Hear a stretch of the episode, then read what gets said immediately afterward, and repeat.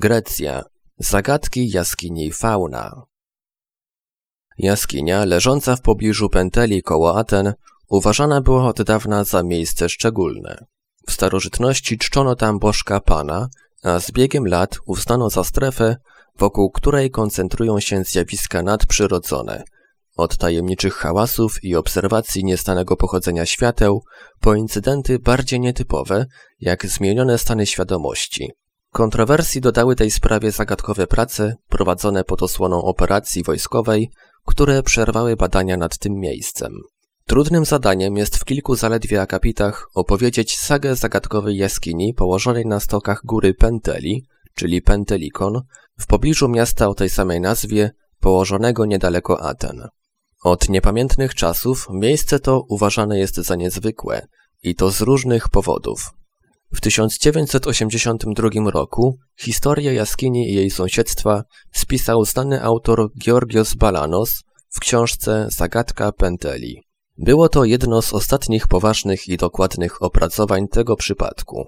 Wraz z upływem czasu pojawiały się nowe produkcje, w tym telewizyjne dokumenty, które coraz bardziej odchodziły od właściwej wersji. Co gorsza, wraz z tym jak temat stawał się coraz popularniejszy, pojawiały się w nim dodatki, będące pogłoskami, niepotwierdzonymi faktami czy wręcz dezinformacją. Skutkiem było niestety pojawienie się w jaskini intruzów, którzy poszukiwali tam sobie tylko wiadomych rzeczy. Aby jednak nie przedłużać, przyjrzyjmy się początkom tej historii. Epicentrum zagadki Penteli stanowi jaskinia Davelisa, miejsce, które jest obiektem zainteresowań archeologów, historyków, ale również parapsychologów. Dla niektórych stanowi ona najsilniejsze miejsce mocy w Attyce. W ciągu ostatnich kilku dekad jaskinia uległa sporej dewastacji, jednak wciąż da się wyczuć w tym miejscu specyficzną atmosferę. Jaskinia, która mierzy 60 metrów długości, 40 metrów szerokości i 20 metrów wysokości, znajduje się wewnątrz dawnego kamieniołomu, gdzie wydobywano marmur do budowy Partenonu i Akropolu. Do dziś zachowały się tam ślady starożytnych dróg, którymi transportowano urobek. Już w starożytności jaskinia ta uznawana była za miejsce święte, choć niektórzy uznają, że służyła celom religijnym już w prehistorii. Ślady osadnictwa w tym rejonie pochodzą z neolitu. Uważano ją za Panaipolion, kaplicę Pana. W odległości zaledwie kilkuset metrów znajdowała się druga świątynia w jaskini Nimf, leżąca nieco wyżej, choć zniszczona wskutek prac wydobywczych przeprowadzanych w ostatnich dziesięcioleciach. Znalezione w niej eksponaty do dziś podziwiać można w ateńskim Muzeum Archeologicznym. Atmosfera jaskini Davelisa przyciągała pustelników już w okresie bizantyjskim.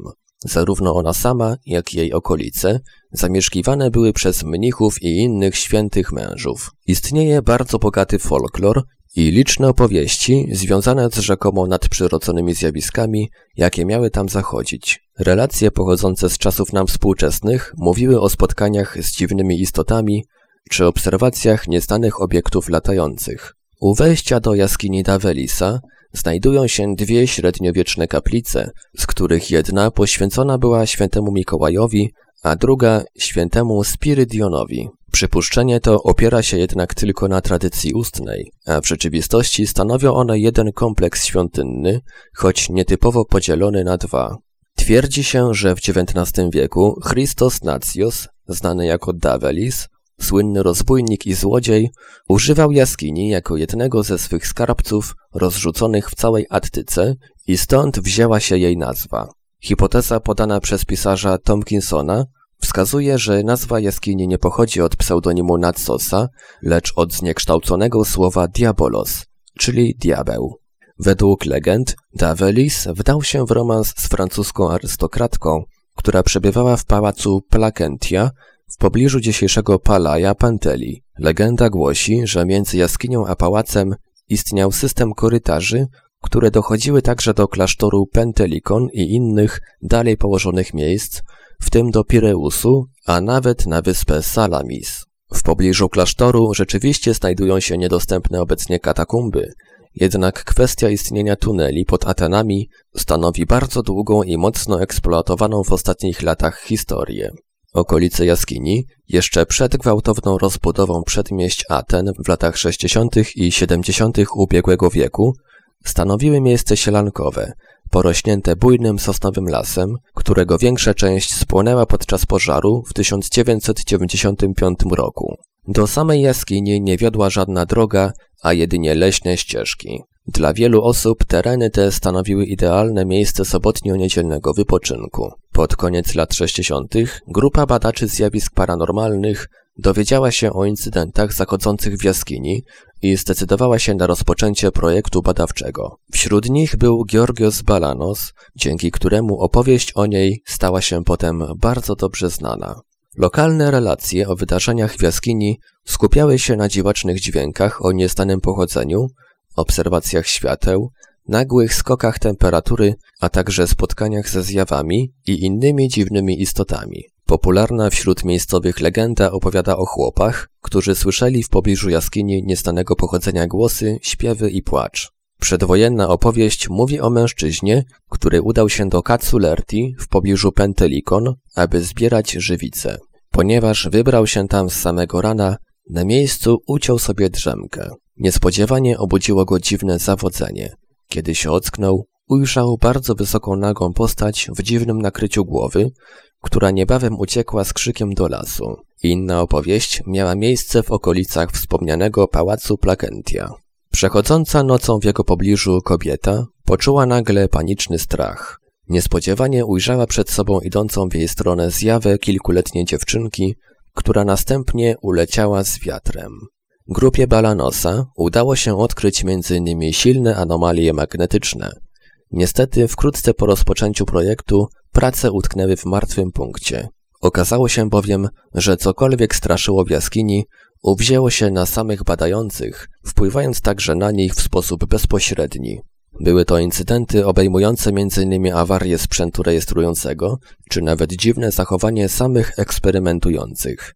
Ich latarki włączały się lub wyłączały bez powodu, rzekomo nawet bez baterii. Aparaty uruchamiały się same, jakby wykonując zdjęcia niewidocznym rzeczom lub osobom, a przyrządy miernicze szalały. Przypadki braku świadomości upływu czasu, dziwne zachowania, ataki paniki, czy nawet tymczasowe zaginięcia należały do często spotykanych doniesień z jaskini Davelisa. Badania utknęły w martwym punkcie, a na początku lat 70. projekt został zawieszony. Przez kilka lat temat jaskini nie był podejmowany, aż do 1977 roku, kiedy rozpoczęto kręcenie filmu dokumentalnego o zjawiskach tam zachodzących. Nigdy jednak go nie wyemitowano. W czasie przedsięwzięcia doszło do próby nielegalnych wykopalisk na wielką skalę, a teren wokół jaskini został otoczony drutem kolczastym. Nikt nie wiedział, co się dzieje w środku, gdyż wejścia pilnowali strażnicy. Na miejscu interweniowała policja, jednak jak się okazało, prace zlecone zostały przez greckie wojsko i znajdowały się poza jej jurysdykcją. Choć podobne przedsięwzięcie było do pomyślenia w czasie dyktatury wojskowej w Grecji, w roku 1977 czegoś podobnego raczej nie tolerowano. Doszukiwano się różnych wątków. Jako mocodawców tych prac wymieniano greckie siły powietrzne, marynarkę, służby specjalne, NATO, Amerykanów, a także wielkie koncerny produkcyjne. Nikt jednak do dziś nie wziął za to odpowiedzialności. Co ciekawe, to przedsięwzięcie także utknęło w martwym punkcie i nie zostało doprowadzone do końca. Brak rezultatów pozwolił na rozmycie odpowiedzialności. Według nieoficjalnych informacji, greckie siły powietrzne lub NATO próbowały utworzyć w jaskini podziemną bazę rakiet, bunkier przeciwatomowy lub magazyn głowic jądrowych. Wybór miejsca o dużym znaczeniu archeologicznym spowodował jednak znaczne komplikacje, a w toku prac okazało się, że ze względu na swoją budowę jaskinia nie nadaje się do konstrukcji instalacji wojskowej. Niebawem po zakończeniu projektu prace były sporadycznie kontynuowane, głównie przez dzikich archeologów, którzy dostawali się do jaskini Davelisa przez dziurawe ogrodzenie z drutu kolczastego, przy którym mało kiedy przebywali strażnicy. Miejsce stało się zatem znowu łatwo dostępne dla gości oraz badaczy. Całe przedsięwzięcie poskutkowało ogromnym zniszczeniem zarówno samej jaskini, jak i kościółków. Dno jaskini zostało obniżone i usunięto z niego tysiące ton rumoszu skalnego. W środku powstały betonowe ściany, zaś korytarze prowadzące do naturalnych sal, w tym do niewielkiego jaskiniowego stawu, gdzie miała dawniej mieścić się świątynia rogatego bożka, zostały niemal w pełni zniszczone lub zasypane tonami skał. Wszystko skończyło się w roku 1983, kiedy to interwencja Ministerstwa Kultury doprowadziła do zatrzymania działań w jaskini, jednak nikt nie potrafił wytłumaczyć, dlaczego nikt nie zauważał dewastacji trwającej od 1977 roku. Co ciekawe, nie był to jednak koniec projektu, gdyż wkrótce w pobliżu jaskini powstały cztery ślepo zakończone tunele. Powoli jednak czas zaczął odciskać swoje piętno na wzniesionych tam betonowych przegrodach i pozostawionym sprzęcie, który niszczał. Jaskinia stała się na powrót atrakcją turystyczną, choć pojawiały się także donosy o sekciarskich praktykach, jakie próbowano kultywować w jej wnętrzu. W 1990 roku sprawa przybrała kolejny obrót i znowu rozpoczęły się prace na wielką skalę. Tym razem jednak sytuacja była zgoła odmienna i wykonawców, kimkolwiek byli, zmuszono do porzucenia przedsięwzięcia, kiedy tylko uwagę na nie zwróciła opinia publiczna. Cały czas grota stanowiła jednak refugium dla różnego rodzaju sekt odprawiających magiczne rytuały. Pozostawiały one po sobie nie tylko wnoszone wewnątrz kamienne ołtarzyki, ale i napisy i przede wszystkim mnóstwo śmieci. Częstotliwość incydentów o zabarwieniu nadprzyrodzonym, jakie zdarzały się w okolicach jaskini, miała być niezwykle wysoka. Oprócz spotkań ze zjawami, świadkowie mówili m.in. o obserwacjach obiektów UFO oraz o znacznie dziwaczniejszych incydentach, jak ten zawarty we wspomnianej na początku książce Balanosa. W połowie kwietnia 1977 roku pan LX oraz jego żona VM wybrali się na Pentelikon. W pewnym miejscu na skalistym wzgórzu ujrzeli oni samochód. Znajdował się on w przedziwnym miejscu, gdzie nie mógł trafić w normalny sposób, nie uszkodziwszy się znacznie. Przez wiele kolejnych dni auto pozostawało w tym samym miejscu. Pewnego dnia para, w towarzystwie swojej znajomej, udała się na miejsce po raz kolejny, aby sprawdzić, czy właścicielowi udało się je wydostać. Ostatecznie postanowili oni wspiąć się na miejsce, gdzie znajdował się samochód, który, jak się okazało, był nietknięty. Oprócz niego nie widać było tam nic oprócz owalnych śladów długości pół metra, które widoczne były także w trudno dostępnych miejscach, gdzie nie mógł pozostawić ich człowiek. Turyści nie zwrócili na to jednak uwagi.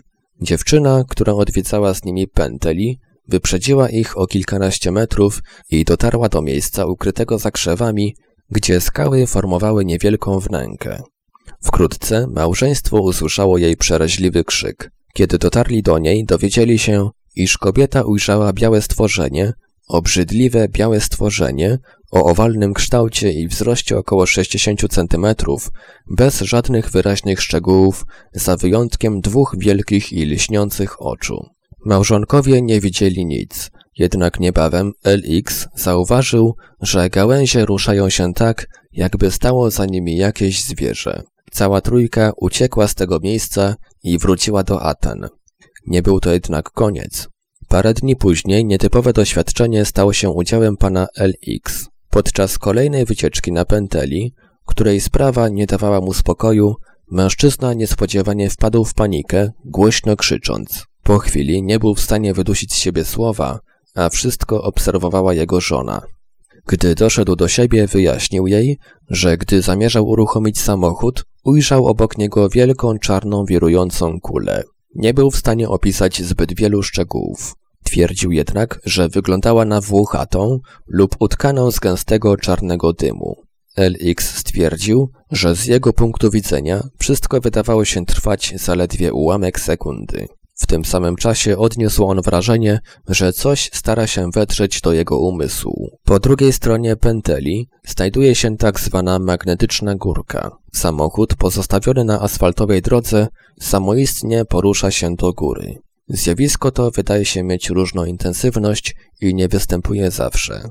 Ten obszar również znany jest z licznych doniesień o zjawiskach nadprzyrodzonych, choć w przypadku samej górki za dziwny efekt odpowiada nie tajemnicza siła, a zjawisko optyczne. Jaskinia Nepenteli uważana jest za miejsce niezwykłe, tak jak niezliczone lokalizacje w innych miejscach świata.